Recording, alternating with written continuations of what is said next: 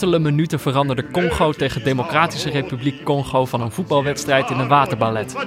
Eerst dacht ik nog dat het de ruis van mijn illegale stream was, maar het regende. Hard. Zo, zo hard. De bal bleef uiteindelijk stil liggen in iedere plas. Spelers die slidings maakten gleden het hele veld over, de catacombe door de kleedkamer in. Maar ja, vergeleken met de hoosbuien buiten stelde die douche natuurlijk niets voor. Het was gewoon een andere sport geworden. In de rust renden kinderen het veld op om in de plassen te spelen. Maar er waren ook vier mannen met emmers in de weer. Dit kan zo toch niet, dacht ik vanaf mijn bank in Amsterdam-Oost. Deze wedstrijd moet afgelast worden. Maar een uur later hadden ze het veld zowaar leeg gehost. Toen de scheidsrechter alsnog floot voor de tweede helft, wist ik het zeker. Het neutrale kijken had een heel nieuwe dimensie gekregen.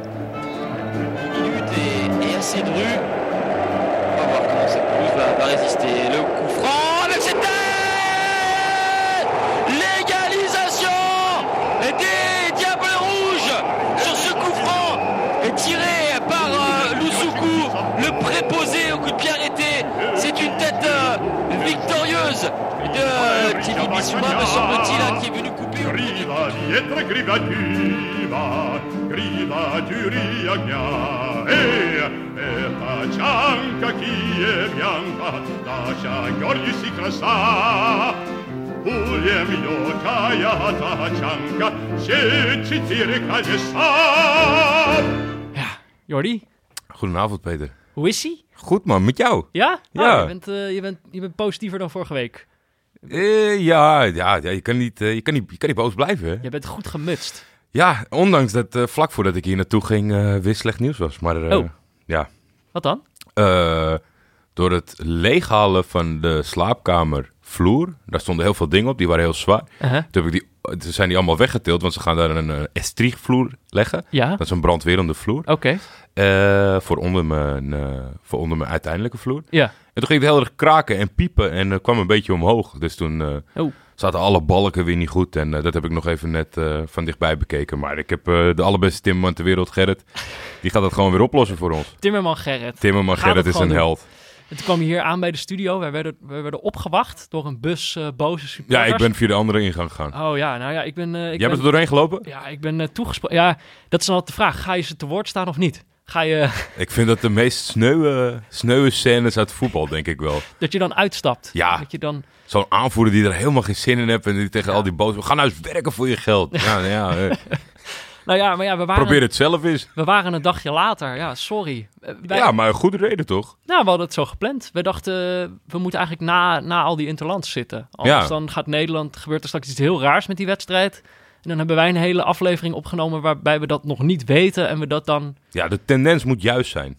Ja. Denk ik. Daarom ben ik ook denk ik wat vrolijker bedoel- begonnen. Oh, ja, toch? Ik bedoel, wij, eh, we hadden zeg maar net zoals toen bij Ajax hadden we, hadden we kunnen doen van eh, wat speelden ze toch goed. Maar ik Dat was nu wel goed uitgepakt. oh, Ik had het, het, eh, twee kleine dingetjes deze Oh. week, denk ik. Nou, misschien nog wel meer hoor, maar het boek wat je aan cadeau hebt gedaan. Ja. ben je al begonnen? Ik ben begonnen. Ik ben, ja, hij ontkent een beetje of hij bevestigt een beetje, hij speelt er een beetje mee of het nou essays zijn en wat de volgorde is. Maar Mhm. ik lees gewoon eh, van links naar rechts, ondanks de cover. Uh-huh. Ik ben volgens mij bij zijn vierde essay beland, heel fijn. Maar van dat eh ultra dunne papier. Ja, ja, ja. En ik lees graag met een lampje. Dus dan zie je zeg maar, een soort van de schaduw van de Oh. woorden aan de achterkant. Daar kan ik me ontzettend aan irriteren Oh, bij dus boeken. ik, heb de kwaliteit, ik had een betere kwaliteit boek moeten kopen. Oh nee, nee, nee, dat niet. Maar dat is eh, eigenlijk, ik lag in bed. Ik dacht, ja, Peter, hè? kom op nou. Is dit onze vriendschap? Ja, dat is dat Amerikaanse papier. Ja, die doen het op een soort krantenpapier. ja, ja, ja, ja. Eh, Tuig. Amerikanen tuig. per definitie. Respectloos. Respectloos. Ander, je had nog een dingetje? Ja, ander ding was, ja, dat was. eh, eigenlijk is dat heel privé, is heel gek dat ik dat nu ga vertellen. Mhm. Maar eh, om de woning waar ik nu zit, dat is in Amsterdam Oost. En dat, is, dat zijn zeer oude woningen met heel veel ruimte tussen de plafonds en de muren. Ja. Dus ik werd opgeschrikt van de week ochtends door een muis in Oh. de keuken. Ik ben niet gek op muizen. Nee. Maar ik vind het dan wel fijn dat in zo'n schrikmoment mijn stem laag blijft. Want het zou heel lullig zijn als het dan ineens een gilletje. Maar boven kreeg ze wel mee dat er beneden iets niet helemaal in orde was. Dus eh, daar allerlei maatregelen tegen genomen, hoop hem niet meer te zien. Ging, ehm, ging, gingen je gedachten niet heel even terug naar, naar deze zomer dat wij op de zolder van eh Das Mag opnamen, dat er af en toe ook een muis langs kon rennen? Ja, nee, nee, dat heb ik gelukkig maar één keer hoeven zien. En toen, dat is echt gewoon volgens mij 30 seconden stilte voor mij in die podcast geweest. Ik denk van, wat, is dat het? Ja, dat is het. Volgens mij waren dat de, de, de lost tapes waar dat, eh, waar dat in zat. Dus Oké. kom jij goed weg. Ehm, ik zie nog een ander ding staan. Er Ja. staat, ik, er staat u allemaal geheimtaal in het script voor mij. Ja, ik ben altijd kort, eh, kort van stof. Deze is echt eh, opgetekend gisteren. Want eh, er was hoog bezoek vanuit België. Waarover later meer, denk ik. Maar eh, Guillaume Mabe, Ja. luisteraar en vriend van de show, die was in Nederland. En ja, die had natuurlijk een zware, een zware dag daarvoor gehad. Mhm. En toen dacht hij van, nou, ik ga toch nog even kijken hoe hij, denk ik... Omdat België was uitgeschakeld. Ja, ja, ja. Ik denk dat In hij hoopte op, op een overwinningje van Duitsland. Dat is toch dan weer een beetje... Maar hoe dat tegenwoordig gaat, eh, als je mensen gewoon eh, privé spreekt en ook luisteraars zijn, die zegt ineens tegen mij, laminaat of pakket? dus ik denk, ja, nee, in, de- in de woning. Ik denk, oh ja, dan nou een pakket in dat geval. Ik denk, nou ja, misschien omdat hij alles luistert, dat, dat er meerdere mensen zich afvragen of wat er... advies. eh, Nou ja, we kunnen bij Nee, hij deze... vroeg zich af wat ik ging plaatsen in mijn woning. Oké. Dus ik, wilde eh, geen advies. Het ging niet om zijn eigen huis of zo. Nee, want volgens mij woont hij al helemaal Hm. verbouwd en al. Oké. Nou, misschien wil hij al een andere vloer. Dat kan toch? Of hij wil gewoon weten hoe jij daar tegenaan kijkt. Dat kan natuurlijk ook. Ik ben meer een pakketman. Een pakketman, ja. Ja. Eh, ik, ik, eh, ik denk ik ook. Ja, op de- deze, ik zit nog een beetje in de laminaatfase van mijn leven. Maar ik hoop ooit wel een, een parketleven te krijgen. Pakketman te Ik worden. wil later een parketman worden. Eh, laat ik het daarop houden. Ik had deze week... ik, ik, we hebben al best wel wat vreemde shout-outs gehad. Zeker. Eh, weet je, je doet een oproepje en opeens staan we in allemaal kranten. Maar ik, ik, ik, ik heb denk ik de vreemdste gehad tot nu toe. Ik ben heel benieuwd. Eh, ik, afgelopen week was er een avond in het kader van eh, het 100-jarig bestaan van de studie Nederlands Oké. aan, de, aan de UvA.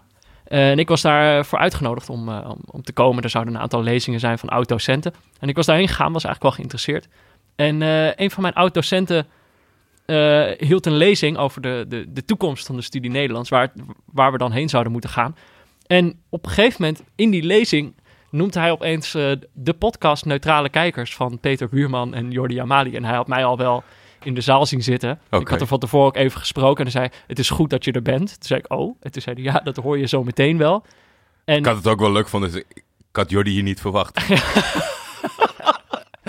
Ja, jij was er niet om, om, het, om het te horen, maar hij, eh, hij in die beschouwing van de toekomst van eh, de studie Nederlands nam hij ons als voorbeeld. Het, eh, het neutrale kijken bij voetbal.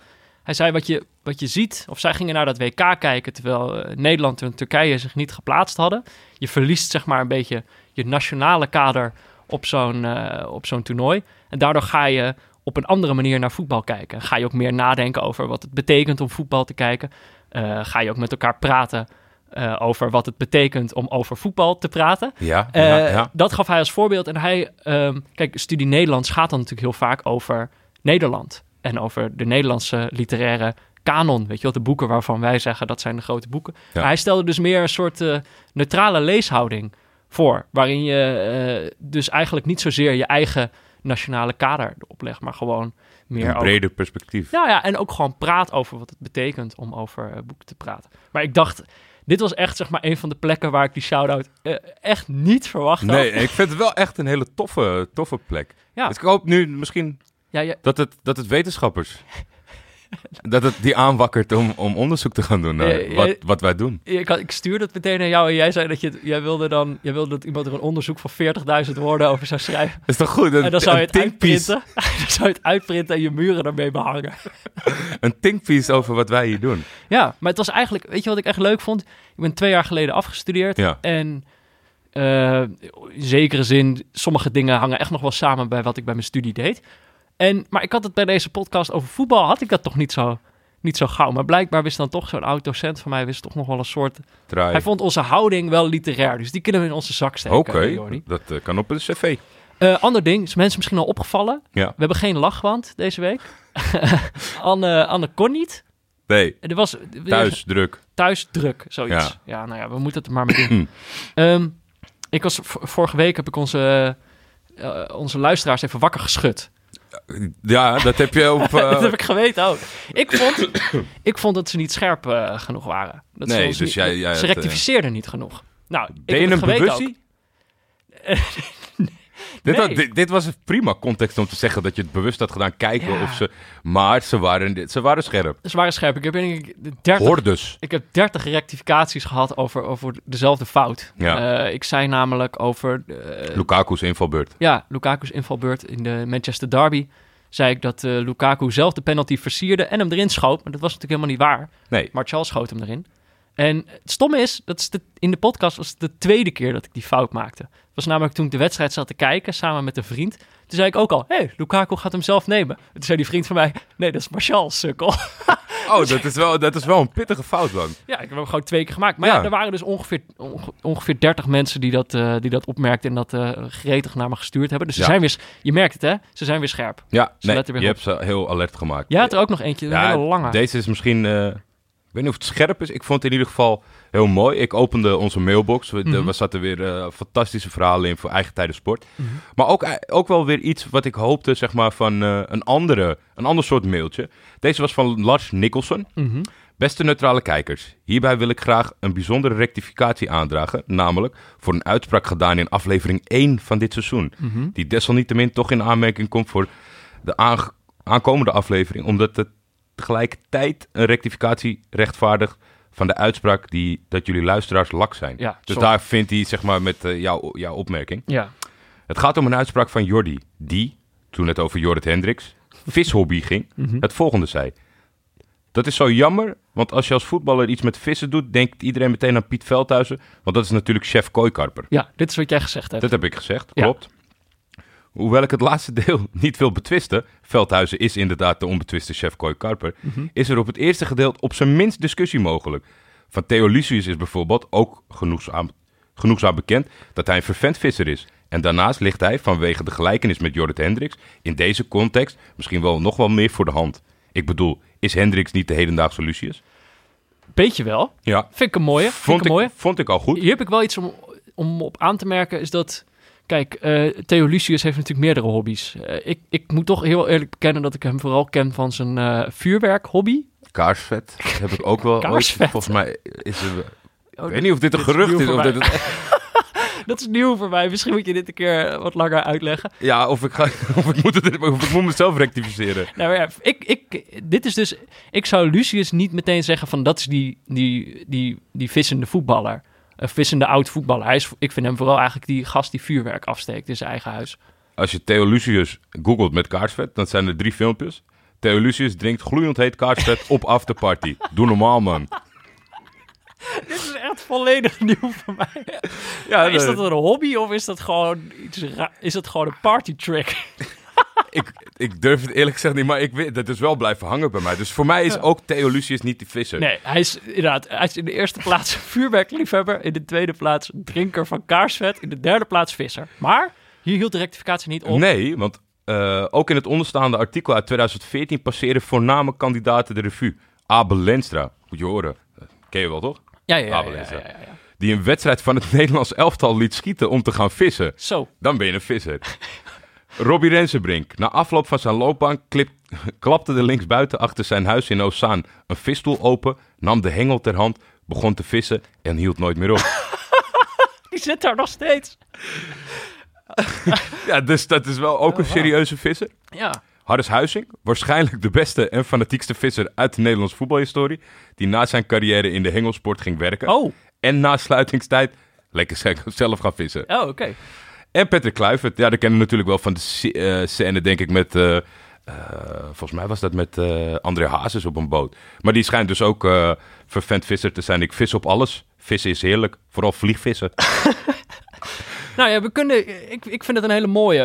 Hij, hij- het verhaal heeft niet echt een eind, toch? Nee, nee, nee. Het heeft geen eind. Het was alleen van... Hij vond Lucius meer eh, een betere Ja. vergelijking geweest met Hendricks. Ja. Maar dat er ook nog meer mensen zijn. Ja. eh, meer En- voetballers. En inderdaad, hij is niet laks geweest. Hij heeft echt mooie research gedaan naar, naar vissende en- voetballers. En, en de omschrijving van Rob Rensenbrink. Ja, dat, en hij stopte nooit meer. ja, maar eh, ja, ik denk dat we hiermee kunnen stellen dat, dat inderdaad eh, ehm, eh, niet alleen Piet Veldhuis en Jorrit Hendricks eh, vi- vissers zijn, maar dat, Nee. ehm, eh, Dat, dat, dat ze zich allebei in een traditie eh, van vissen, vissende voetballers eh, plaatsen. Ja, ik hoop, eh, ik hoop dat eh, Lars Nicholson iets begonnen is en dat eh, meerdere mensen op Ja. deze diepgaande manier eh, met rectificatie komen. Ja, ik vind het leuk, leuk eh, mailtje. Mail ons vooral uh, neutralekijkers.gmail.com. Ja, Eh, het leest, eh, het leest heerlijk. Je kan ons tweeten, maar je kan ook mailen.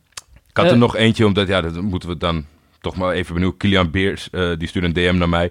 Ik zei dat eh Wiets van der Goot, Horus, commentator in Town, Ja.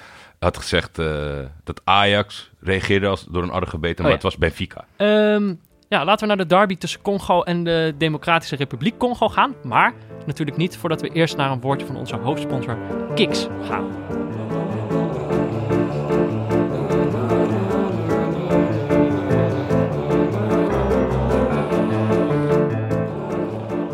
Dit is Eigen Tijden Sport in samenwerking met onze hoofdsponsor Kiks, waarin we terugblikken op historische gebeurtenissen in het voetbal die waarschijnlijk terecht in de vergetelheid zijn geraakt. Deze week Tim Arts. Tim Arts, zijn achternaam. Arts is Niet zijn zijn beroep. achternaam. Nee, niet zijn beroep. Nee, zeker niet. Eh, zoals iedereen natuurlijk herinneren we mooie dingen uit het voetbal. Maar ook de lelijke dingen worden iconisch. De kopstoot van Zidane, Erik, voor de, ja, moet ik toch wel even bij benoemen voor de minder eh Erik Cantona, Ja. die een fan van Crystal Palace trapt. De elleboog van Patrick Kluivert tegen het hoofd van Lorenzo Stalens. In dit rijtje hoort mijn broertje Mitchell, dus niet Mitchell, Nee, dat is een gefingeerde naam. De D1 van HBSV, een afkorting van Hout Blerikse Sportvereniging. Dit seizoen was mijn vader onze coach. Ik de laatste man en mijn broertje stond linksback. We speelden tegen Ivo uit Velden. Een afkorting voor inspanning voor ontspanning. Nee. Vind ik, een afkorting. vind ik een schitterende club. Er naam. zijn heel veel hele mooie, maar deze vind ik wel... eh, De rechtsbuiten van Ivo was een meisje. En ze was goed. Heel goed. Volgens mij stonden we al 1-0 achter. Of misschien stond het 1-1. Maar wat ik wel nog perfect herinner is dat het meisje goed was. Heel goed. Ze kapte en draaide, was technisch heel begaafd. En bovenal razendsnel. Mijn broertje raakte gefrustreerd. En in blinde woede maakte hij een zware overtreding op het meisje. Twee benen gestrekt. lekker Mitchell. Op dat moment werd mijn vader woedend. Niet op de scheids, die mijn broertje direct rook gaf, maar op mijn broertje, die weigerde van het veld te gaan. Hij rende het veld op, achter mijn broertje aan, die weer van hem wegrende. Zo volgde er een achtervolging op sportpark Theo Lommen uit Velden, of in Velden. Uiteindelijk eindigde het met mijn broertje met een koude douche, huisarrest en een schorsing. Zo. Met Oh ja. dit beeld gaat net als Cantona, Zidane en Kluivert niet meer van mijn netvlies. Schitterend. Het een soort slapstick film dat ze zo rondjes rennen over dat veld. Ja, Dat Mitchell eh, zich niet laat vangen door, eh, door zo'n door, ziedende door vader. senior. Heb je wel eens rood gepakt? Sorry, ik overval je een beetje. Nou met ja, joh, ja, voor die paar luisteraars die mij, eh, die mij op het veld actief hebben. Ja, ik heb heel veel. Kan wel, kan wel een wandje bangen in de nieuwe woning. Met de prenten. Weggerend voor de coach die je ziedend achterna. Nee, dat niet. Oké. Eerder andersom. Maar het gefingeerde broertje van Tim is natuurlijk niet de enige die ooit op historische wijze een speelster van de tegenstander tackelde en vervolgens op komische wijze wegrende voor zijn zienende coach. Dit seizoen van Neutrale Kijkers gaan we op zoek naar jullie voetbalmomenten die waarschijnlijk terecht totaal in de vergetelheid zijn geraakt. Heb je ooit een penalty gemist op een belangrijk moment? Scoorde jij ooit een omhaal toen niemand keek? Heb je wel eens een hakje gedaan? Stuur het ons op. Mail je eigen historische voetbalmoment naar neutralekijkers.gmail.com. Wij geven jou de aandacht die je verdient in eigen tijden sport. Dat doen we natuurlijk samen met Kiks, waar je op je eigen tijden sport. Bij Kiks kun je namelijk voetballen zonder verplichtingen, zonder team, zonder club en zonder lidmaatschap. Gewoon voetballen. Kijk op kiksvoetbal.nl slash neutrale kijkers en probeer het gratis uit. Ja, de pot, de pot van de podcast. Ja. Hij, ik, hij heet nog even zo. Ik, begin er, ik moet zeggen dat ik er een beetje, toch een beetje ge- aan gehecht begin te raken. De pot van de podcast. Ja, Ja. maar als mensen een betere naam weten, dan, eh, dan mogen ze uiteraard. De pot van de podcast heet hij nu nog even. Mensen dachten dat wij een grap maakten. Dat we Congo tegen de Democratische Republiek Congo gingen kijken. Geen idee waarom ze dat dachten. Nee, eh, eh, Jammer de Boer eh, zei dat op Twitter. Oh ja, klopt. Daar hebben we nog op geantwoord ook. ja, jij reageerde van, ja, als je, jij bent een vaste luisteraar, dan weet je toch dat we eigenlijk nooit grappen maken? Nee, Nee, nee precies. Dus daar dat, staan wij niet onbekend. Nee, ik, ik vond dat een heel goede, goede terechtwijzing. Natuurlijk gingen wij die wedstrijd kijken. Eh, de, de wedstrijd tussen de Congo's, een, eh, een, een wedstrijd in de kwalificatie voor de Afrika Cup van 2019, Cameroen. Ehm, kijk, wij vonden het in eerste instantie natuurlijk gewoon een, eh, een, een, interessante wedstrijd, omdat het twee Congo's waren. Maar ik vond eigenlijk toen we hem eenmaal gingen kijken, dacht ik, ik moet eigenlijk toch ook een beetje uitzoeken wat nou de geschiedenis daarvan is. En Ja. waarom er nou eigenlijk twee, twee landen zijn die zo heten. Maar je hebt dus Congo-Kinshasa. Ja. Dat was van 1971 tot 1997 Zaire. Dat staat nu beter bekend als de Democratische Republiek Congo. En je hebt Congo-Brazzaville, Ja. beter bekend als Congo. Eh, Democratische Republiek Congo is een voormalige, voormalige kolonie van België. Daar heeft David van Rijbroek nog een, eh, nog een heel boek over geschreven. En Congo-Brazzaville is een voormalig Franse kolonie. Eh, qua grootte verschilt het echt enorm. Democratische Republiek Congo heeft 80 miljoen inwoners, Brazzaville ongeveer 5 miljoen. En ze, ze liggen eigenlijk tegenover elkaar. Ze worden alleen gescheiden door een rivier. Ja, Weet je hoe die rivier heet? de Congo. De, de Congo. Ehm, eh, waarschijnlijk heten ze daarom dan ook zo. Eh ander ding wat ik eigenlijk niet zo heel goed kon vinden over de, de relatie tussen die twee landen, of eigenlijk eerder een soort rivaliteit, of eh, specifiek in voetbal, verder eigenlijk ook niet echt. Misschien heb ik niet zo heel, niet goed genoeg gezocht. Als er een expert is, Ja. laat het vooral weten. Ehm, dus of er echt sprake was van een vurige derby, durf, ik, durf ik eigenlijk niet echt te zeggen. Ik moet ook zeggen dat ik op het veld ook niet echt tekenen heb gezien van een soort diepe vijandigheid. Nee, Eh. nee, nee. Er was een, er was een artikel in, eh, in een Belgisch dagblad. En daar las ik ook. Daar haalde ik het niet uit. Ik, ik, het proefde heel erg als van. Het, het kleinste broertje tegen het oudste broertje. Als in de, de klassenverschil van de spelers. Ook omdat natuurlijk eh, zo'n groot verschil is in het aantal inwoners. Ja. En de Democratische Republiek Congo heeft heel veel spelers over de grens. En eh, in Europa eigenlijk al. En, en bij hun niet. Dus het was echt heel erg David tegen Goliath. Maar Ja. niet, niet kwaadaardig of zo. Want eh, Nee.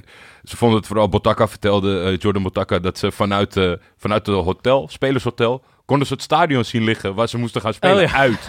het was volgens mij zeven minuten. Ze moesten alleen de Oh, ja. rivier over en dan stonden ze al in het stadion. Ja, ja. Maar ja, ik heb ook zeker geen vijandigheden gezien op de tribune of Nee. iets. Nee, dat komt misschien ook wel omdat, het- omdat het zo'n niveauverschil eh, is. Dat, dan is de vijandigheid vaak wat minder, toch? Dan vindt een van die ploegen vindt het dan toch minder erg ze verliezen of zo. Dat Het wordt, ook, het wordt meestal ook een beetje, beetje lelijk als, als je zeg maar, heel veel slechter bent en dan ook Ja. heel erg boos. Ja, precies. Maar eh, het werd dus 1-1. Goals van eh Brit Assomba Longa voor Democratische Republiek Congo en eh, vlak voor rust TFV Bifuma voor Congo Brazzaville. Ja, Maar er schiet eigenlijk beide ploegen niet zo heel veel mee op in aanloop naar de Afrika Cup. Ze hebben nog in die pool nog één wedstrijd te spelen. En ze staan nu derde en vierde. ja. Ze- het verrassende resultaat eh, in de pool, eh, dat wist, had ik geen rekening mee gehouden. nee, Maar het, het Liberia, wat stijf onderaan staat, wist thuis te winnen van Zimbabwe. de nummer één uit die pool. Ja, Ja. en nu eh, wordt het voor beide Congo's denk ik nog wel een zware dobber. Ik denk dat de Demo- Democratische Republiek de meeste kanten. Ja, want het is, het is een pool met vier ploegen. Ja, en de bovenste twee gaan, gaan door naar de Afrika Cup Ja. aanstaande zomer. Ja, aanstaande zomer. Maar ze moeten dus nog één wedstrijdje spelen. Eh, dat gaat dus nog... eh, ja, alle ploegen kunnen zich volgens mij nog Ja. plaatsen. Ja. Eh, Zimbabwe moet nog tegen Congo-Brazzaville. De laatste uit de pool volgens mij. En Congo-Kinshasa moet nog tegen Liberia. Ja, Nummer twee uit de pool. Dus er, er kan nog van alles gebeuren. Maar dat is volgens mij pas in maart. Dus dat is heel ver weg nog. Dat is Ja. ook wel een beetje gek om dan die laatste... Dat je nu zit je er bijna, of je het wel of niet gaat. En dan Ja. gooi je er even een paar maanden tussen. Ja, er zijn natuurlijk ook al ploegen die zich wel geplaatst hebben. Zoals Marokko bijvoorbeeld. Ja, Maar eh, even terug naar deze wedstrijd. ja. als we alleen de stand noemen, dan, heb, dan, dan krijg je niet echt een beeld van hoe het was om dat te kijken. Absoluut toch? niet. Absoluut niet zelfs. Het was een, een, een eh, ja, in ieder geval ook al voor, voor weermannen die ingeschakeld waren, was het een, een fantastische, fantastische wedstrijd. Want Ah, het was genieten. Ik stuurde jou een berichtje, of we zaten samen eh, in het document te werken. En toen dacht ik, zijn ze nou een drinkpauze aan het houden? Dus ik denk, tegenwoordig kom je er heel makkelijk achter. Het was op dat moment 26 graden. Ik denk, nou, ja, Ja. ik, ik, ik Ze vind gingen op een gegeven moment naar de kant om ik vind, het, ik vind het best wel meevallen om daar een drinkpauze voor in te lassen. Maar als het Ja. heel benauwd is of wat dan ook, prima. Mhm. En toen kwam jij met ruis op het beeld. Ja, Zei- ik, nou, ik zei, is het niet een regenpauze? Gaan ze niet naar de kant omdat het regent of onweert of zo? ja. En toen zei ik meteen daarna, zei ik, oh nee, het is, het is gewoon ruis in mijn stream. En, en toen echt een minuut later zag ik, brak nee, de hemel. begon het zo hard te regenen. En ze stopten gewoon helemaal niet met voetballen. Ja. Eh, nou ja, de, Het, het- werd niet. anders gevoetbald. Want dat, de, de wedstrijd veranderde ook helemaal. Want laten we wel wezen, tot aan dat moment dat het gaat regenen... is Democratische Republiek Congo is, is heer en meester. Ja. Kans na kans. eh, Volgens mij één vrije trap van Congo-Brazzaville. Ja. eh, Het kleinere broertje. Eén vrije trap die, die maar net naast gaat. Maar verder kwamen ze er echt totaal niet eh aan kwamen te er pas. niet aan te pas. En dat was wel redelijk aandoenlijk, want de andere partij was ook gewoon over sneller, sterker en, Ja. en in alles de baas. En het, en het gaat regenen. en, en dat Brazzaville begint te voetballen. Ja, Ja, het, er is wat anders vrij. Het komt dan natuurlijk meer op, op, op strijd en passie. En ja, hoe goed je tegen natte zolen aan kan in je kiksen. maar het is aan het begin van die regenbui. Dus het is net echt drie, vier, vijf minuutjes hard aan het regenen. Vrije trap vanaf de zijkant eh, wordt binnengekopt. Dus door eh, Bifuma. TFV Bifuma. Ehm, en dan staat het opeens 1-1. En eigenlijk heb je dan het idee van, nou goed, het kan gebeuren. Die 40 minuten die we hiervoor hebben gezien, gaat Congo Kinsh- Kinshasa dit nog wel, eh, Recht zetten. gaat ze dit wel rechtzetten. Ja. Maar doordat het zo hard regent, dat veld ligt op een gegeven moment gewoon helemaal onder het water. Die, die bal rolt niet meer door. Nee, er was een fantastische counter. Ja.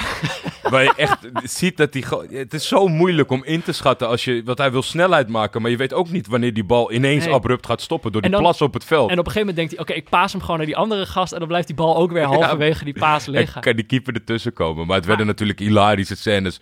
eh, met wat echt aan de, aan de randen van het veld. Later overal, maar in het begin aan die- dat stond het zo hoog aan het water. Ja.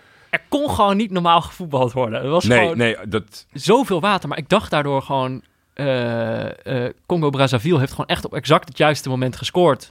Want vanaf dit moment kan er gewoon niet meer normaal gevoetbald worden. En ik dacht eigenlijk, dat zou wel in het voordeel van, eh, van hun zijn. ja. Maar daarna ging het zo hard regenen dat ik in de rust eigenlijk dacht van... Het, het gek, oké. Het gek was, we, volgens mij keken we via dezelfde stream. Had Ja, je ook wat- een stream zonder commentator? ja, helaas wel. Stream zonder commentator.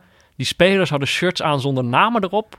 Dus in het begin moest ik eigenlijk ook nog erachter komen van... welke ploeg is nou welke? Ja, en Tot weet je een vlaggetje ziet op het shirt, zeg wat maar. heel moeilijk was, is dat eh, zonder namen, dus enkel rugnummers, dan kijk je naar de vorige Interland, en dan, maar dat klopt ook niet. Oh. Want ik schreef in het draaiboek bijvoorbeeld bij de 1-0 van, van, eh, van eh, Kinshasa, Ja. dat het Magoma was. Ja. Maar dat was het helemaal niet. Maar die speelde wel vorige wedstrijd met het rugnummer wa- waar nu mee werd gescoord. Ja.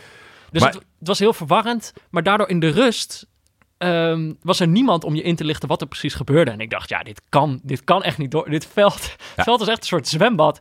Ik voelde aan alles dat het niet verstandig was om of de stream uit te zetten of, of, of om eh, de laptop even dicht te klappen. Ik heb echt eigenlijk de hele tijd dat aangehad. Met een beetje geluid, achtergrondgeluid Ja. wat er was. Er was wat muziek. Ja, dat werd uiteindelijk werd het een soort van openluchtconcert. Ik vond dat super vet. Die mensen waren gewoon blij. Ik denk niet dat er de hele tijd het stadion werd omgeroepen van nou, zo meteen gaat het door of we wachten nog een kwartiertje of we wachten nog een Nee. half uur. Er was niks, de muziek ging keihard aan en de tribunes vermaakten zichzelf. En op het veld, ja, stonden vier gasten met emmertjes. Stonden dat veld leeg te scheppen. Ik dacht, ja, dit kan toch Dat ook. gaat, dat is haast onmogelijk. Er is ook een filmpje natuurlijk eh, voorbij eh, gegaan met dat iemand met zijn voet probeert eh, het water van het veld af te vegen. Maar je denkt echt van, dit, dit, dit heeft geen zin. Weet je wel, geef het gewoon op. Voetbal een andere keer door of zo. Ja, maar Ze zijn gewoon een uur bezig met die emmers. En daarna loopt die scheids over het veld. Die denkt, ja, eigenlijk eh, kan dat zo wel weer. Het zonnetje scheen weer. En toen gingen ze weer. een uur later. ja, ik, uur ik, was er eerlijk gezegd blij mee. Ik had echt wel met een, met een domper gezeten als het niet was doorgaan. Ik weet niet hoe jij dat had. Ja, ik ook. Ik, vond Ik het zat helemaal in die wedstrijd. Ik ook. En ik wilde eigenlijk... Nou, ik vond het wel gewoon... Ik dacht, we hebben wel een mooie uitgekozen. Dat er meteen, zeg maar...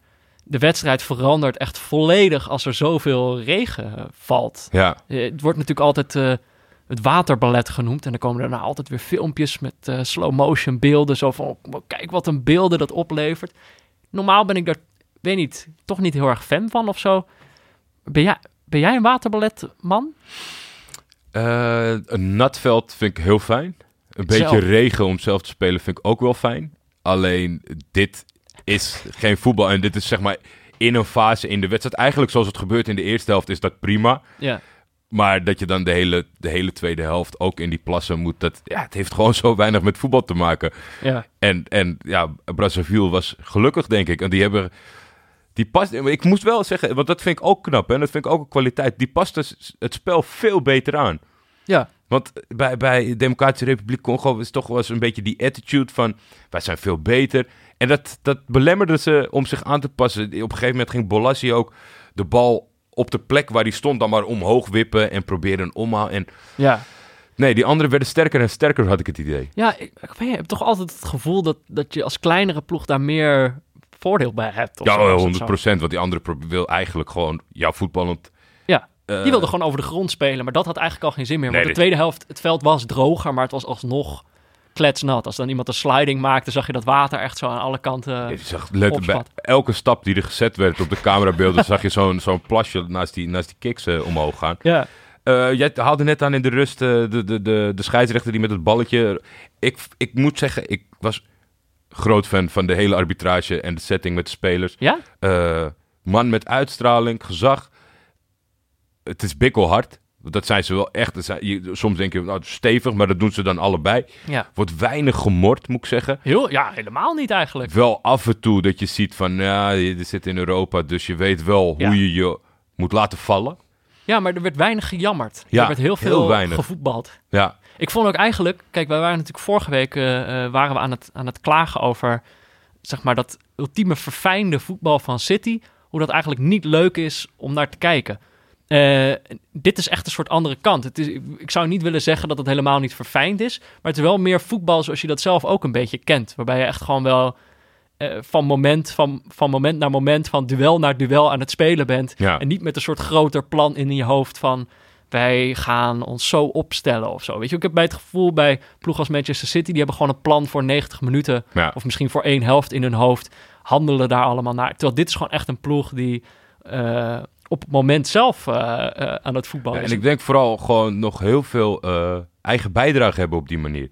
Ik denk dat de Europese top, die is volgzaam. Die, die, die wordt de hele week geïnstrueerd. Die moet filmpjes kijken, analyses Ja. kijken van de tegenstander. En die, die, die krijgt opdrachten mee dat veld in te gaan. En daardoor is het eigenlijk de, de lijst met goede voetballers... of wie wij mooi vinden om te zien. Dat zijn altijd gasten die nog de individuele kwaliteit hebben... of in ieder geval dat in hun spel hebben om zelf te beslissen. En eigenlijk heb je hier 22 man Ja. die op het moment zelf beslissen. Er worden wel in de hele grote lijnen wat uitgezet. Maar het devies is voetballen en winnen. En dat kijkt een stuk prettiger, kan ik je het, is, vertellen. het is ook veel onvoorspelbaarder. Ja, Eh, ik vond het hartstikke leuk om naar te kijken. Echt, eh, dit was denk ik ook echt wel het andere uiterste van wat we vorige week hebben gezien. Maar ik merkte, ja, qua kijkplezier. Eh, het is, kijk, het is natuurlijk bij op City kun je allerlei analyses loslaten over wat daar precies gebeurt. Ik denk dat, dat die blik iets minder eh, waardevol is bij een wedstrijd als deze. Maar qua kijkplezier, gewoon direct kijkplezier, was dit wel echt eh, een toppertje, vond ik. ja, ja, ja. Ik denk ook dat, oprecht dat het heel moeilijk is voor de Pieter Zwart van Brazzaville... om een analyse te maken als je, als je zeg maar zoveel individualisten hebt. Ja, Dat is, dat is wel heel moeilijk om daar een conclusie uit, uit, uit te trekken. nou, en Maar ik, ik, ik, ik, ik, ik waak dan een beetje om te zeggen dat het zeg maar een soort van... eh, dat het geen tactiek behelst Nee, of zo. Dat, maar dat, dat, is, dat is het niet. Alleen de, de drang en de oprechtheid van de personen op het veld... Het is zo'n totaal andere instelling. Ja. Ik, vond, ja, ik heb er echt van genoten. Ik, ik, ik zei op een gegeven moment ook tegen jou... ik wil gewoon die hele, die hele Afrika Cup gaan kijken straks. Dat, eh, dat denk ik, eh, dat, eh, dat het daar niet gek aan doen. Misschien moeten we, misschien moeten we daar dan maar weer een, serie van maken. Ik dacht, op het moment dat ik dat zei... dacht ik nog wel van... oh ja, dat is dan zo aan het begin van, van het jaar. Meestal is dat dan toch ergens in, in, in februari of maart of zo. Ja, dat, Dat, dat, dan in mijn clubs geval... klagen dat hun, hun sterspelers weg zijn. Weet je, bij Ajax zou bijvoorbeeld Ziyech dan opeens... Ziyech, sorry. Die zou dan opeens een maand weg zijn omdat Marokko Ja, zich geplaatst heeft. Maar dat is nu niet zo. Het is nu in de zomer. Ja. Het is van 15 juni tot 13 juli. Ja, volgens mij... eh, Natuurlijk, afgelopen, afgelopen zomer was, was ik ook weg van Senegal. Eh was ook gewoon een heerlijke ploeg om naar te kijken. Die zijn er volgens mij ook gewoon weer bij. Ja. Eh Cameroen.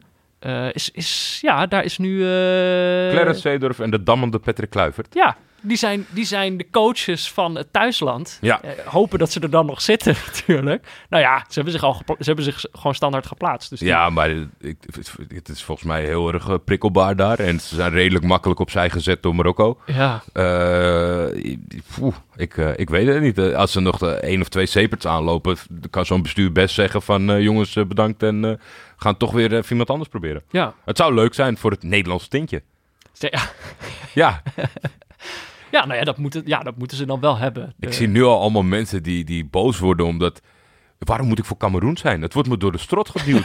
ik wil niet voor Cameroen zijn. Louis van Gaal die in het Frans die ploeg aanmoedigt.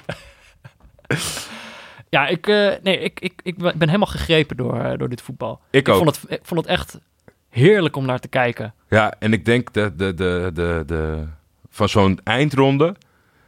dat je een beetje in dat, in dat ritme komt. Dat je alles volgt, een beetje de selecties leert kennen. Dat het dan pas echt leuk Ja. is. Want we moeten natuurlijk nu een klein beetje... Waar wij hebben een topzondag gehad. Ja. Maar of het geen toevalstreffer was. Ja, Kijk, bij anderen zijn we ook hard in het oordelen. Maar die zien we natuurlijk gemiddeld vaker voorbij komen. Nou ja, kijk, het ding, en ik heb het eerder al een, al een beetje gezegd, maar eh, kijk, een probleem dat ik soms dan heb, bijvoorbeeld eh, als we naar Hoffenheim keken, of zo, dat ik dacht, ik ken al die spelers niet.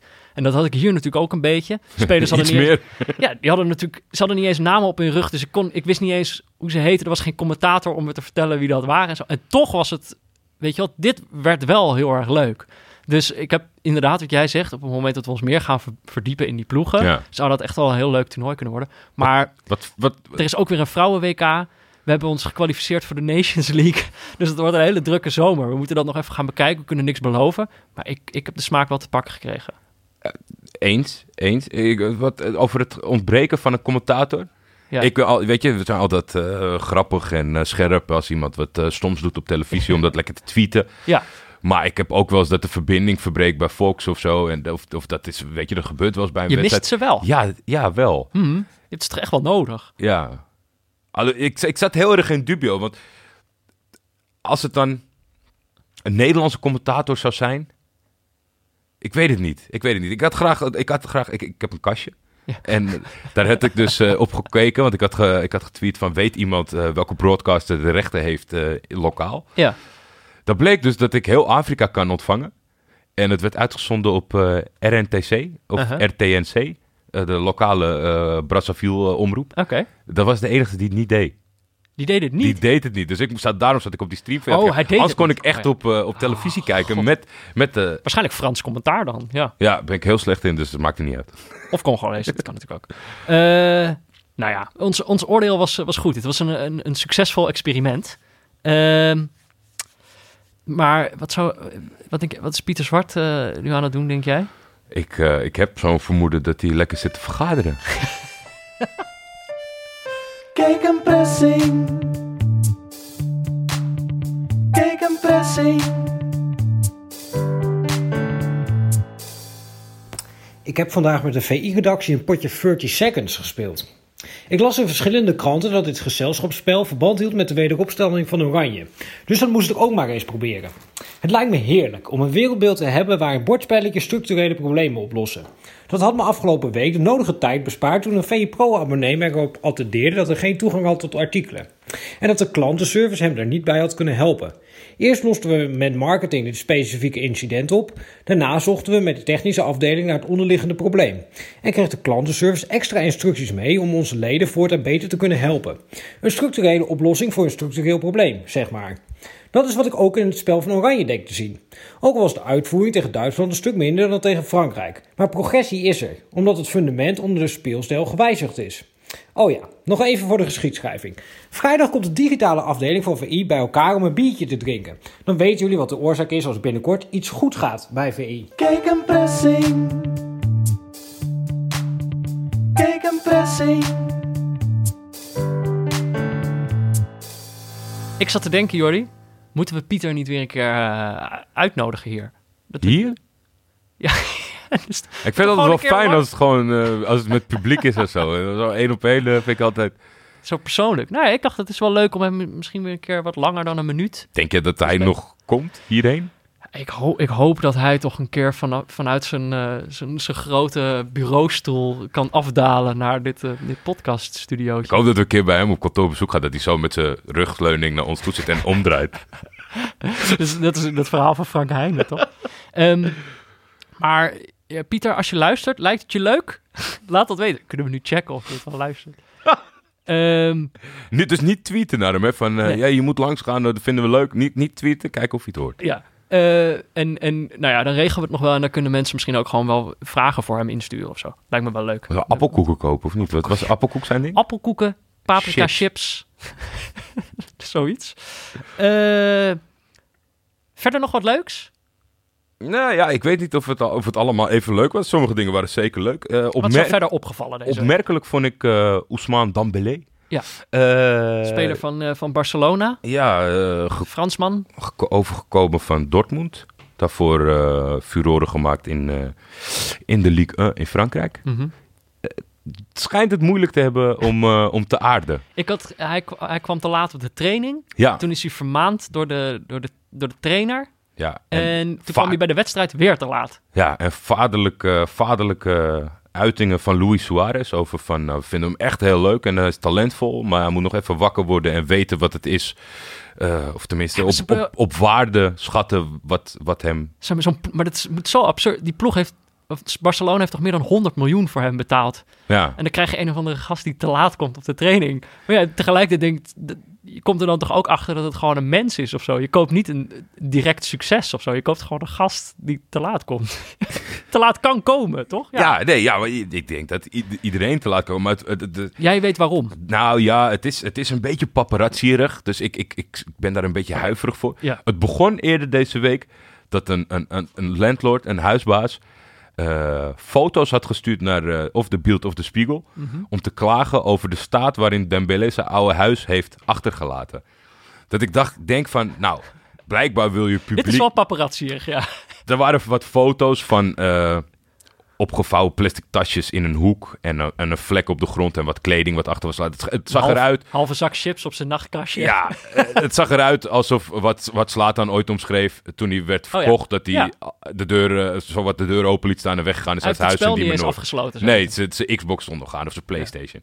Nou, zo zag dit er ook uit. Alleen, het waren hele karige foto's vanuit een hoekje. Ik denk, ja, als je dan naar buiten wilt treden, doe dan even gewoon een fatsoenlijk... Dan kunnen we het beoordelen. Gewoon een Ik zag, spread. ik zag nu niets. Dus ik, ik, ik vertrouwde het niet Hè, helemaal. maar ze, maar wat, is dan, wat heeft dit dan te maken met, met dat hij te laat komt bij Barcelona? Nou, dit was eigenlijk een soort van voortraject op dat. Want daar ging het... Dus dan, hij is slordig. Hij heeft mensen in zijn omgeving die, die, hem, die hem slordig laten... Of, of, of hem daarin stimuleren. En toen is hij naar Barcelona gegaan. En waarom hij nou steeds te laat blijkt te komen... is omdat hij verslaafd is aan gamen. hij is Een dus... eh, ja, heerlijk menselijk detail, vind ik dat. ik denk, het zal wel... Welke iets- game? Ja, ik, Fortnite. ja, dat denk ik ook. Dat denk ik ook. Toch wel jammer. Het zou wel leuk zijn als het gewoon iets anders was. De Sims. Dat is hier sla- 30 seconds. Zoals het de hele week over ging, 30 seconds bij Oranje. Nee, maar ja, ik, het, is, het is heel menselijk wat je zegt. Het is ook wel, Hij is ook jong, toch? Hij is hartstikke jong. ja, Ik Maar vind, ook- het is zo'n toonbeeld van hoe die ploegen ook omgaan met zo'n jongens. Of je haalt hem opeens naar een ander land. Laat hem vaak een beetje aan zijn lot over met ontzettend veel geld. Ik bedoel, die jongen is waarschijnlijk al op heel jonge leeftijd prof geworden. Heeft geen idee wat die, hoe, hoe die als, als volwassene een leven moet leiden. Zat constant in de spotlights. Ik kan me wel voorstellen dat... Ik vind het eigenlijk vreemd dat het niet vaker misgaat of zo. maar als je, ja, ja, ja.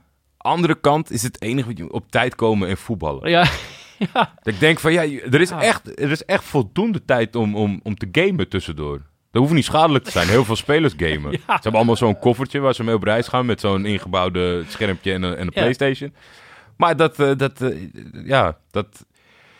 Ik, ik, het is altijd lastig om daaruit te komen als, als speler, vind ik. Want dan de paparazzi's, ondanks leugens of geen leugens, die gaan het steeds meer aandikken. Ja. Elke keer als je scoort, gaan ze krantenkopje doen met... eh, die celebration doet hij s'nachts ook. En Ja. weet je, dat...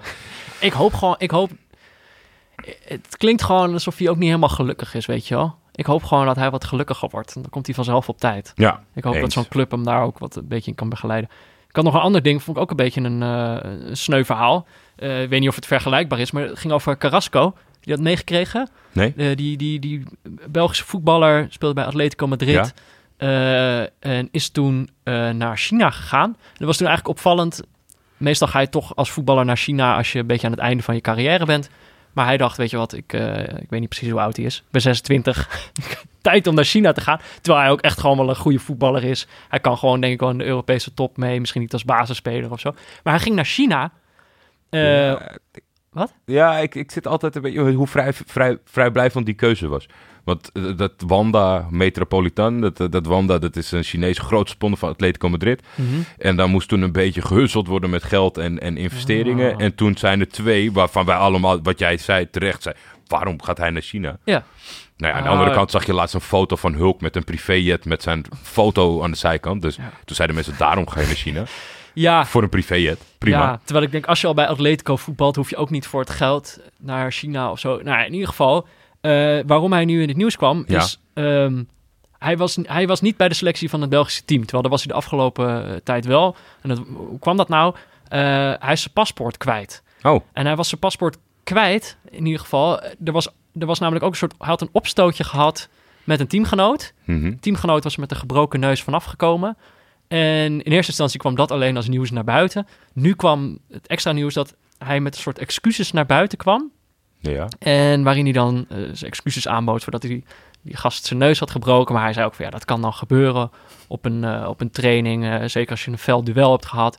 Nou ja, hij zei we hadden een woordenwisseling waardoor hij zijn neus heeft gebroken. En nou ja, iets meer dan een woordenwisseling blijkbaar. Maar het, die excuses, dat is een beetje een dingetje in, in China. Tijdje terug had ik een stuk gelezen over een van de, de bekendste filmsterren van, eh, van China. Een vrouw, Fan Bingbing heet zij. Was die niet kwijtgeraakt? Zij was drie maanden kwijt. Ja, Terwijl dat is, zij speelt in grote Amerikaanse films ook en zo. Eh, zij was kwijt. Eh, na drie maanden komt zij terug. Ook met een soort excuses waarvan experts dan ook zeggen van het is heel duidelijk een soort geforceerde, ja. geforceerd excuus. Ze heeft waarschijnlijk ook grote geldboetes betaald.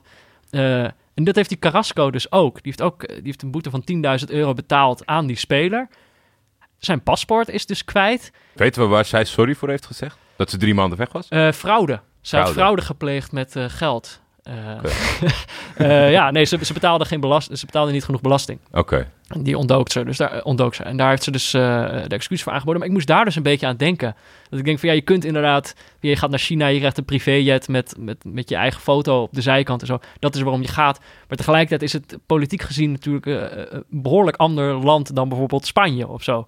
Ja. Dus dat je als voetballer denk ik ook een beetje moet uitkijken of zo. Dat je ook niet helemaal zeker weet wat, wat er Ja, met hem nou gebeurt. En zonder hem, ja, je weet niet of hij België had kunnen redden tegen, tegen Zwitserland.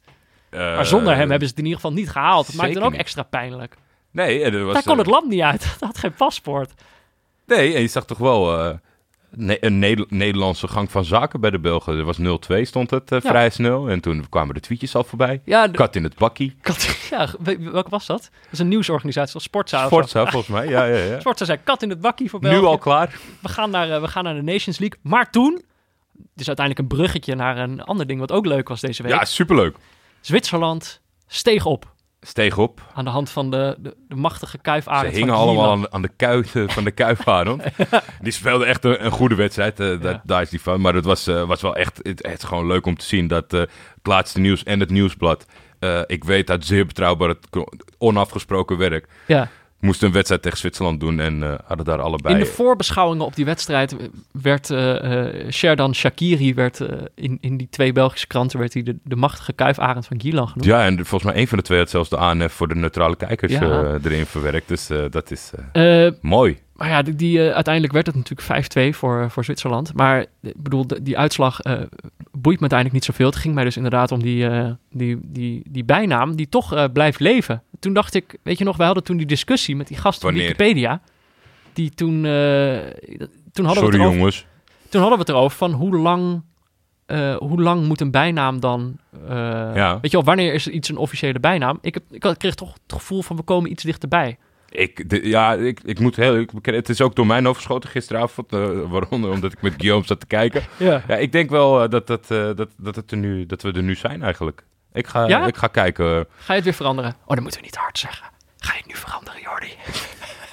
Ik ga het niet nu veranderen, maar ik ga kijken naar of, het, of het al rechtvaardig Ik is. vind, als het, in, als het in, in twee Vlaamse kranten heeft gestaan, dan is het echt. Ja. Toch? Ik weet niet of dat voor alle nieuwsfeiten geldt, maar in ieder geval wel voor Voor bijnamen. bijnamen. Ja. Voor bijnamen, ja. Ander ding. Ja. Eh, gaat eigenlijk over Nederlandse kranten. Eh, kijk, ik, ik dacht, ik moet, we hebben die piano gehad. eh, we hebben de rollercoaster gehad. Ik dacht, ik kan natuurlijk... Het, het moet niet te veel een trucje worden om dat elke week te doen. Nee, Maar toch, doordat ik daarmee begonnen ben, ga ik toch telkens anders die nieuwsberichten lezen of zo. Ja. En eh, toen, toen Nederland met 3-0 won van Frankrijk, dat was natuurlijk weer een momentje. Je wordt opeens verrast. Hoe kan dat? Eh, dan kun je natuurlijk als Pieter Zwart kun je daar dan eh, een analyse van schrijven over hoe dat werkelijk komt. ja. Maar op het moment dat je, dat je geen voetbaljournalist op die manier bent, dan moet je natuurlijk metaforen gaan gebruiken. Ja, ja, ja. En ik, ik, had een, ik had gewoon een rijtje met wat ik alleen die avond al tegenkwam. Eh, Willem Vissers, die wordt heel vaak getipt. Die is, heeft is een onuitputtelijke bron voor jou, denk ik. is natuurlijk, ja, maar daarom wil ik hem ook niet te vaak gebruiken, omdat, het, omdat hij, ik bedoel, dit is, gewoon, dit is gewoon zijn stijl. Ik bedoel, hij is van eh, eh, losgelaten worden op de, zonder, zonder lasso losgelaten worden op de prairie van het onvermogen is van hem. Ja. Ja, ik bedoel, ik, dan kan ik elke week wel zijn stukje gaan voorlezen. Maar het- ik bedoel, Dat is ook misschien te veel. neem van de het gezin. Maar hij had, deze keer had hij dan over het Nederlands elftal alsof ze gedronken hebben uit de bron van het zelfvertrouwen. Ja. Eh, nou ja, eh, het kan. Ik dacht gewoon, je kunt ook gewoon zeggen, zo van, ze, ze, ze lijken opeens een stuk zelfverzekerder. Ja. maar ja, dat vindt hij blijkbaar minder interessant. Eh Thijs Sonneveld maakt een wielrenvergelijking. Daar ben ik nooit fan van. Nee? Nee. Nou, in ieder geval, hij zei... Het is een Die snap ik meestal niet. Nee, maar deze legde hij gelukkig wel uit. Oké. Hij zei, het is alsof ze de Tour Down Under gewonnen hebben. Dat is dan volgens mij eh, een soort tour die je dan in Frankrijk rijdt. Eh, en het is op zich best wel, of niet in Frankrijk, in, in, In Australië, in. Australië. Eh, en het is op zich, het is goed als je die wint, maar kan je het ook op een groot podium? Dat zie je natuurlijk een beetje de Nations League. Kijk, Ja, ja, nu we er goed ja. in zijn, is het natuurlijk hartstikke belangrijk. Maar, Maar- het is ook niet het echte werk. Zo, het is geen WK Hoe één. sta jij in metaforen dat... eh, we kennen allemaal dat als je een grap moet uitleggen... dat die, niet, dat die al bijvoorbeeld niet leuk is. Als je een metafoor moet uitleggen, is die dan wel geslaagd? Eh, nee, eigenlijk niet. Nee. Maar ik dacht dus eigenlijk, Nederlandse kranten is misschien ook een beetje te makkelijk. Mhm. Om dan de hele tijd eh, daarop in te hakken. Maar toen kwam ik dus wat tegen. Een Franse, een Franse krant schreef... eh, de, oranje, de oranje leeuw heeft de Gallische haan verscheurd. Dat schreef Le Monde Ja. over eh, die 3-0 winst. Toen dacht ik, ja, als je het op die manier opschrijft... dan klinkt het ook eigenlijk helemaal niet meer bijzonder. Een leeuw tegen een haan. Ja, de, weet je wel, wie wint er? Ja. Ik bedoel, daar kun je toch ook eh, de klok op gelijk zetten. Eh, dus toen klonk het opeens, dat vond ik dus een metafoor, dan klinkt het opeens veel minder bijzonder wat we hebben gedaan. Ja. Dat was natuurlijk wel bijzonder. Ik kan nog een ander dingetje wat me opviel. Dat het was ook Willem Vissers die dat deed, maar de- iedereen eh, doet dat. Zeker ook op televisie met eh, commentatoren. Ja, eh, benoemen waar een speler geboren is. Ja, maar dat doen ze eigenlijk alleen als die plaats lullig is. Marten de Roon uit Zwijndrecht. Ja, ja maar, maar dat, het, het, het is nooit iemand uit Amsterdam, Rotterdam, Nee. Eindhoven. Het is altijd als het zeg maar een, een kleinere plek is of een gekke naam heeft of, of lekker normaal klinkt. Ja, uit Alphen aan de Rijn. Precies, Ja. het, is nooit, het is nooit iets spannends. Nee, en het is ook, het, het zegt eigenlijk niet zo heel veel. Dat, dat zeker niet, daar ben ik met je eens. het is, het is zo'n cliché om dan altijd die, die te zeggen waar hij vandaan komt. Terwijl, wat zegt dat nou over Martin de Roon? Dat hij Ja, Zwijndrecht komt. Ja, dat hij normaal is en dat hij is opgeklommen. Ik bedoel, ja, je- hij kan toch ook gewoon één jaar in Zwijndrecht... Is het echt heel Zwijnstein- moeilijk om, om, om uit Zwijndrecht, eh, om je daaruit op te Weet klimmen? ik veel, ja. daar- nou ja, ik bedoel, dat zou bijzonder zijn als je zou zeggen... Weet je wel, eh, Kylian Mbappé uit, de, uit de, de banlieue van Parijs of zo.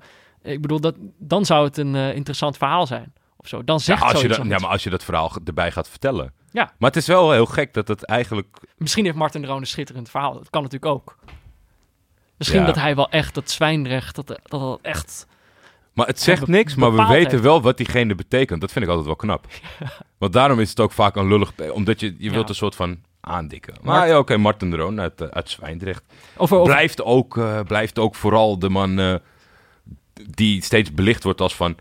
Hé, hey, de Roon. Ja. Ik- dat heb ik volgens mij al eerder gedaan. Maar nu zie ik het weer. Hoe vaak gaan we ons nog verbazen over de bijdrage van de Roon? Dat je gewoon tot aan de, tot aan de finale van de Nation... Ah, die, die de Roon, dat is leuk. Oh, dat is wel leuk. Dat Die veel bij eh, Atalanta, dat weet bijna niemand. over bijnamen gesproken. Iemand, iemand stuurde ons nog in dat Virgil van Dijk werd eh, Le Colos de Breda genoemd. Ja, prachtig. Vond ik prachtig. Als het buitenland het dan doet, vind ik het dan toch... Ik bedoel, die hebben natuurlijk geen idee wat Zwijndrecht is. Nee. Dus als je tegen een buitenlander zou zeggen... Martin de Roon uit Zwijndrecht. Dan zeggen ja, oké, eh, waar ligt dat? Terwijl Le Colos de Breda... Maar bekt ook dan. De, de kolos uit Breda, dan denk je gelijk weer aan iets met carnaval of zo. Ik dacht wel door die eh, laatste dingetje over het Nederlands elftal. eh, nog een soort vraag waarmee je erachter kunt komen wat voor soort mens iemand is. Ja. Ik dacht, ik, misschien kan ik die dan gewoon aan jou stellen. Ben jij een Tete Promes mens of een Dumfries Bergwijn mens? Of, derde optie, Dit, dit schat ik niet in dat je dat bent. Een, een Hatenboer Berghuismens. Oh nee, nee, nee. Die staat, eh, die staat zeker op, op de plek drie. Ehm, kijk, je koppelt het aan mens. Dan ben ik een Tete Promes mens. Maar als trainer ben ik tegenwoordig een Dumfries Bergwijn trainer. Oké. Oh, ja. Jij? Ik, ben, ik ben echt een Dumfries Bergwijn mens, Ja. denk ik. Ja. Eh, maar ik merkte dat dus misschien dat, dat dit onderscheid dat jij maakt tussen mens en, en trainer, dat ik dan ook wel eerder trainer bedoel zo. Maar ik, ik, op een of andere manier vond ik het echt veel lekkerder om naar eh, Dumfries en Bergwijn te kijken. Dumfries, kijk allemaal die interviews met Dumfries. Dat is zo ontzettend. Kijk je die interviewtjes met hem? Ja, het is heel grappig dat jij de mensen adviseert om te doen. Ik, ik, ik wil graag de, de journalisten adviseren om. Eh, ja, om, om weet ik, een ander vormpje te vinden. Iets, iets, het is nu heel Die erg jongen van. heeft geen idee wat hem allemaal gevraagd wordt, toch? Ja, precies. En hij is, al, hij is altijd heel Hij is zo- eerlijk en ja. oprecht. En, en ja, een beetje. Dat ik denk van ja, oké. Hij heeft zich zo snel, denk ik, ontwikkeld dat ze hadden, dachten, altijd, dachten al die tijd van, ah, die heeft nog niet zo'n intensieve mediatraining nodig. En ineens, zeg maar, gewoon de, rechtsback van het Nederlands elftal wordt je op, het speelt opeens tegen Frankrijk ook weer een fantastische wedstrijd. Ja. Ja, dan, ja, dan word je geïnterviewd en dan die mediatrainer denkt, oh ja, shit. Dit heeft- Dumfries nog vertellen? deze, deze les hebben we nog helemaal niet gehad. Maar dan is het zo van, je speelde een prachtige wedstrijd. En dus alles wat hij zegt is, dank u wel. ja, ik vind het echt geweldig. Ik vind het ook geweldig, maar ik, ik ben heel bang dat die, eh, zonder dat hij het zelf doorhebt, door de andere partijen wordt uitgemolken en dat ik het niet meer leuk vind. oh. Daar ben ik altijd heel huiverig Daar voor. heb je gelijk in eigenlijk. Ja, Dat het dan zo is van, oh, wat is hij toch puur. Ja. Heerlijk, puur joch. ja. Nou ja, En dan ook nooit meer een voetbalvraag stellen, maar alleen maar, eh, wat was het nou? Wat ze, wat ze, hoe die genoemd werd op Instagram. Ja, door wie dan? Feitelijk. Ik zag dat kort filmpje voorbij komen. Eh, iemand had hem de goat genoemd. Maar ja, daar reageert hij dan ook super nuchter op. Wat grappig is. Maar ja, ja nee, maar dat, is inderdaad, dat zijn ook geen leuke. niet uitmelken ik vond dat Hij is leuk. VI, eh, dat VI-interviewtje met hem was heel leuk. Heb ik niet gezien. Nou ja, dan eh, raad ik dat iedereen aan om die te gaan kijken. Eh, ik dacht, misschien moeten we een soort polletje onder de, als we deze, als we deze aflevering op Twitter plaatsen. Ja? Om even te checken wat onze Wat voor luisteraars, mensen zijn. wat voor, wat voor een luisteraars we eigenlijk in de Ja. kuip hebben. Ik denk, eh, weet je, Anne is het toch niet. En we krijgen nooit klachten over dat het veel te lang duurt. Nee. Moeten we, wat, moeten we het niet heel even kort over die wedstrijd hebben? We zijn natuurlijk de neutrale kijkers, maar het heeft wel gigantische impact gemaakt natuurlijk deze week. De, de, de, de vernedering van de Fransen en, en de huigel, huigelzegen in Duitsland. Nou, we hoeven, we hoeven natuurlijk niet heel die wedstrijden Nee, door te nee, nemen, maar ik vond, jij zei wel iets, ik vond wel dat jij iets heel slims zei na die winst op Frankrijk. Eh, want we hadden daarvoor natuurlijk gewonnen van Duitsland. En je had eigenlijk twee stromingen na die wedstrijd. Zo van, zo fantastisch is het allemaal niet. Had 0-4 kunnen zijn, hè? Ja, zo, ja precies. Had 0-4 kunnen Zo fantastisch is het allemaal niet. Of eh, het, het is geweldig wat ze doen. Natuurlijk zit daar tussenin ook nog wel een stroming. Maar jij zei na die wedstrijd tegen Frankrijk... zei je van dit is waarom het zo belangrijk is... dat je tegen Duitsland met 3-0 hebt gewonnen. Of wat was het? 2-0, Ja. 2-0, 3-0. Wat was het nou ook 3-0. weer? 3-0. Eh, en, en daar was ik het echt volledig mee eens. Omdat het volgens mij... Wat je volgens mij aan deze ploeg ziet... is er begint een soort narratief over hun te bestaan... dat dit een ander oranje is. En dat zij dingen eh, kunnen klaarspelen, Ombuigen. kunnen ombuigen en zo. Ja. Er wordt nu een verhaal over, over ze verteld dat ze weerbaar zijn, dat ze een plan B hebben en zo. Volgens mij is dat verhaal is ook voor zo'n ploeg zelf zo ontzettend belangrijk. is heel bepalend. Tuurlijk, zo'n trainer moet die gasten echt volledig voorbereiden. Maar op het moment dat zij zelf gaan geloven dat zij, eh, dat ze ontzettend veel kunnen, dan gaat die ploeg dat ook gewoon doen, denk ik. Ja, en ik denk dat je dat zelf, wat de, de, de ultieme test, eh, voetballend gezien, meer, meer onder de indruk uiteraard van die wedstrijd tegen Frankrijk. Dat ze echt, dat vanaf het begin tot het eind, dat zei Koeman zelf ook, dat ze dan 90 minuten Ja. nu dat weten vasthouden in plaats van een helftje. Dat, dat was heel indrukwekkend. Maar ik vond toch wel die slotfase gisteren misschien nog wel belangrijker, omdat je daar echt precies ziet wat jij net aan het uitleggen bent. Dat zij zelf zoiets hebben. En dan is het maar de Nation League, maar het zal ons verdomme niet gebeuren dat we het hier gewoon even gaan verpesten. En dat iedereen morgen weer zegt van, eh, eh, nou, het, was, eh, het waren twee leuke dagen, maar eh, we, zijn, we zijn er toch nog niet. Nou ja, en ik- nu, f- ja. door, hierdoor blijft dat ontzettend in stand van, we gaan die Nations League winnen en we gaan naar het EK. En Er is weer geloof. ja, Maar ik dacht eigenlijk, ik zat die wedstrijd, eh, ik schakelde pas in vanaf de, eh, vanaf de tweede helft. Dus, dus toen stonden ze al 2-0 achter. Het zag er gewoon niet echt hoopvol uit wat Nederland aan het doen was in die het was tweede helft. echt eh, vrij kansloos. Dus ik dacht op dat moment al, ik wist natuurlijk dat wij deze, deze podcast zouden gaan opnemen. Ik dacht, ja, eh, over dat narratief gesproken. eh, dacht ik, het is misschien ook heel goed dat dat verhaal over het gaat fantastisch, dat dat ook meteen weer een soort tegengas krijgt door een 2-0 verlies van Duitsland. Dat je gelijk weer met beide voeten op de grond staat. Dat je en hebt kunnen proeven van het succes. Dat je hebt kunnen laten zien wat je kan. Maar dat je ook meteen hebt gemerkt dat je er nog niet helemaal bent. Maar ja, dat werd dus niet gedaan door die twee goals. Nee, ik, ik denk, ik denk dat, het, dat het zeker goed is. Maar meer meer in clubverband dan nu. Ik denk dat je psychisch, uh, mentaal meer aan, deze, aan dit gelijkspel nog in de extreme zat.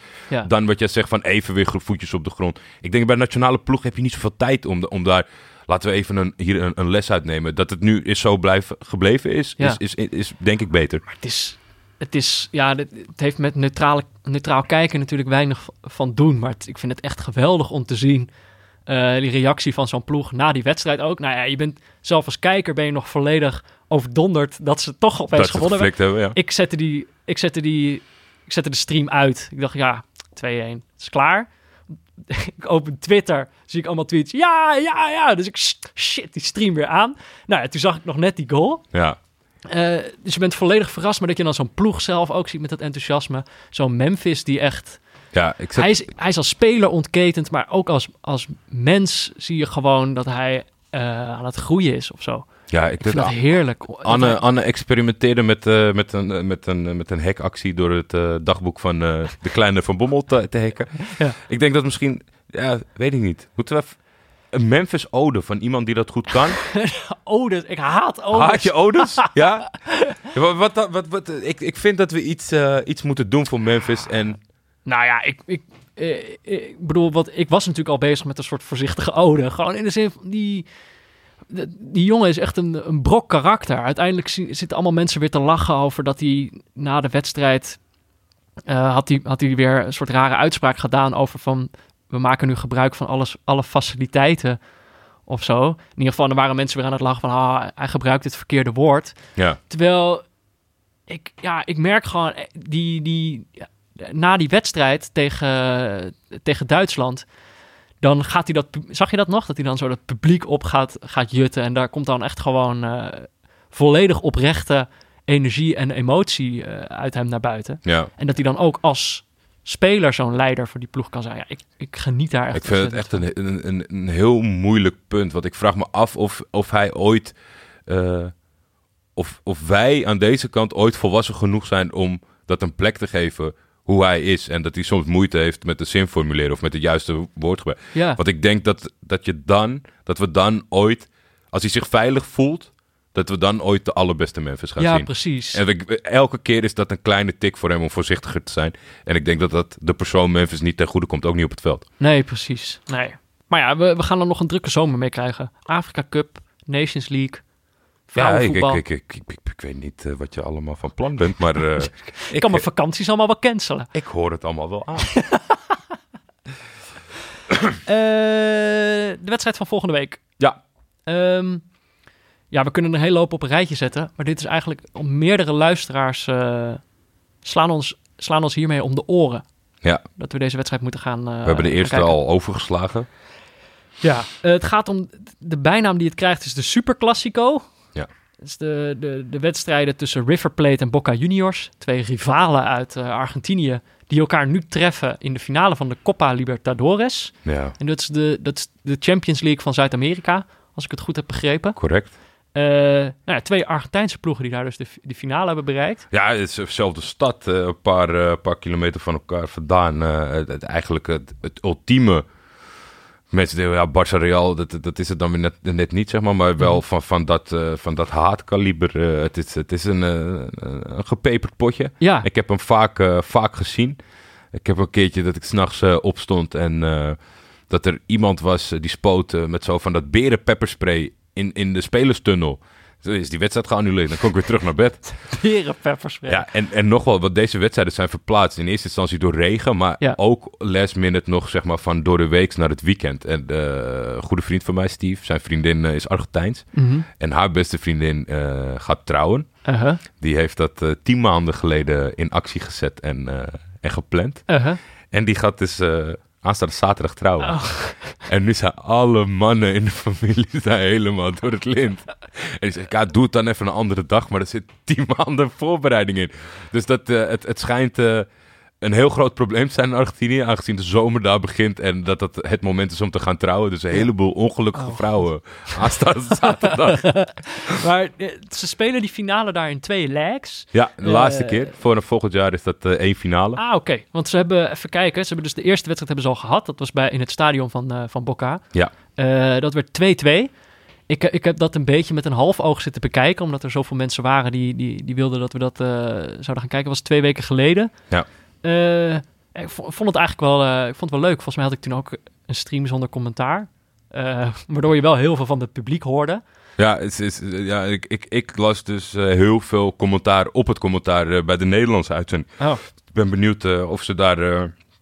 of, of, want het, David deed dat bij, bij de Oh ja. vrienden van Fox Sports. Mhm. En eh, ik ben benieuwd dan altijd, zeg maar, als die tendens zo groot want best wel veel ge voetbal geïnteresseerden eh, sluiten aan. Of er dan aanpassingen gemaakt worden. Dan wel wie het doet, dan wel in de uitvoering degene. Maar ja, ik vind het altijd wel lekker eh, om, eh, om het Nederlands commentaar op te zetten. Ja, nou ja, ik, om dus eerlijk te zijn, ik heb er nog niet zo gek veel.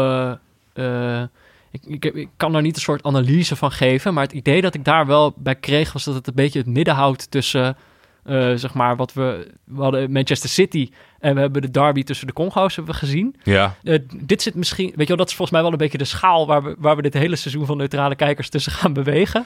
Dit dat zit, denk ik wel. dit zit, dit zit eh, iets, iets meer in het midden, denk ik. Wel, wel ploegen die, die, die wel echt met een iets meer vervuild zijn door tactiek. Ja, oh ja, zeker, zeker. Er Ook niet vies van... maar tegelijkertijd neemt, neemt emotie en strijd wel veel de overhand in die wedstrijden. En ik, zeker nu in die laatste leg, denk ik dat het er wel flink, eh, flink los kan gaan. Ja, en het is ook... het- het- ze- ze sluiten zichzelf een soort van... Of tenminste, ze maken het zichzelf zo moeilijk om professioneler te worden of, of om een stap te doen. Want als je kijkt naar deze wedstrijd en het spat er niet vanaf, Mhm. dan is iedereen teleurgesteld. Ja, En dan zie je toch elke keer, wat als één editie dan tegenvalt, die volgende, dan is het toch wel weer, zijn er twee, drie man die op, op bovenbeenhoogte invliegen en, en ruzie gaan staan maken. Ik vond het prachtig om, eh, om eh, de kop van Tevez nog even in te zien vallen. ja. Eh, het, is- het, het, het zit leuk voetbal, 2-2, fantastisch uitgangspunt denk ik voor, voor ons allemaal. ja. Het, eh, het wordt spektakelo. Eh, het is zaterdagavond, Ja, 9 uur, eh, wintertijd. ja, wintertijd nog steeds. Eh, nou ja, 9 uur. Ja, vraag maar, vraag maar of je mag opblijven. Eh, en dan kunnen we met z'n allen de, de Super Classico gaan kijken. Eh, oh ja, moeten we hem eigenlijk ook voorspellen. Eh, laten we dat dan gelijk doen. Ik weet niet eens iemand of de Congo's iemand goed had voorspeld. oh god, nou ja, dat moeten we dan rectificeren. Stel jij hebt gewonnen, tweet me even. Er waren niet heel veel mensen die dat durfden te voorspellen. Ik kan me ook niet voorstellen dat iemand 1-1 heeft gezegd. Maar laten we dat nog checken. Ik zeg over deze wedstrijd, zeg ik... ik zeg dat River Plate gaat het thuis afmaken. Eh, het, het gaat wel een beetje... het, het gaat eh 2-1 worden. Ik proef weinig overtuiging in je, in je voorspelling. Nou, jij dan? Ik zeg dat het eh 2-3 wordt. Oh. Ik Dat was heel overtuigend, wou je zeggen. Ja, nou ja, eh, ik denk het wel. Ik denk het wel. Ik denk eh 2-3 eh, in de verlenging. Ik weet niet of ze dat dat doen of dat ze meteen nog doorgaan met penalties, maar ik denk het wel. Gaan, gaan we wel verlengen. Ja. Nee, heel erg de, tweestrijdig River Plate altijd een beetje vanuit het shirt en vanuit het Ja, het talent een beetje shirt, ja. richting Ajax. En ik, ik, ik kan niet zo, eh Boca Juniors zijn de kleuren zo goed als van Venner. Daar mag ik niet voor zijn. ik vind dat stadion van Boca Juniors zo vet. Het is zo vet. Met, dat is Ja, een zo, zo dat, dat flatgebouw. flat. Een flatgebouw. Ja, ik vind dat zo vet eruit zien. Ja. Maar het, genoten. Eh, het was gezellig op de tribunes van, eh, van de Congo. Maar eh, hier is het ook niet stil hoor. Nee. Wordt leuk. Ja, wordt heel leuk. Eh, laat ook je voorspelling weten. Stuur het naar eh, mij of Jordi. Eh, in ieder geval met de hashtag neutrale kijkers ook. Yes. Eh, en, en een variabele naar keuze natuurlijk. Ehm, nou, Dat was hem, hè? dat was hem. Eh, voor nu was dit Neutrale Kijkers in samenwerking met Dag en Nacht Media. Veel dank aan onze hoofdsponsor Kiks. Aan Pieter Zwart voor zijn diepteanalyse van de werkvloer. Aan Barry Piravano voor zijn schitterende illustratie. Laurens Collet voor de gegenpressing jingle. En aan Studio Cloak en Leon Liesner en Friends voor de muziek. Dus stuur je voorspelling door. Stuur gewoon een ander leuk berichtje naar mij of Jordi op Twitter. Of eh, natuurlijk een, een momentje voor eh, eigen tijden sport. Naar neutralekijkers.gmail.com. Voor een ode voor Memphis. Of een ode voor Memphis. Of laat Peter gek te maken. een ode. Eh, of laat een recensie achter in je podcast-app. Eh, volgende week zijn we er weer. Tot dan, Jordi. Tot dan, Peter. Eh, en, en dan denk ik toch gewoon weer op dinsdagochtend, denk ik. Ja, volgende week zijn we weer dinsdagochtend. Oké, tot dan.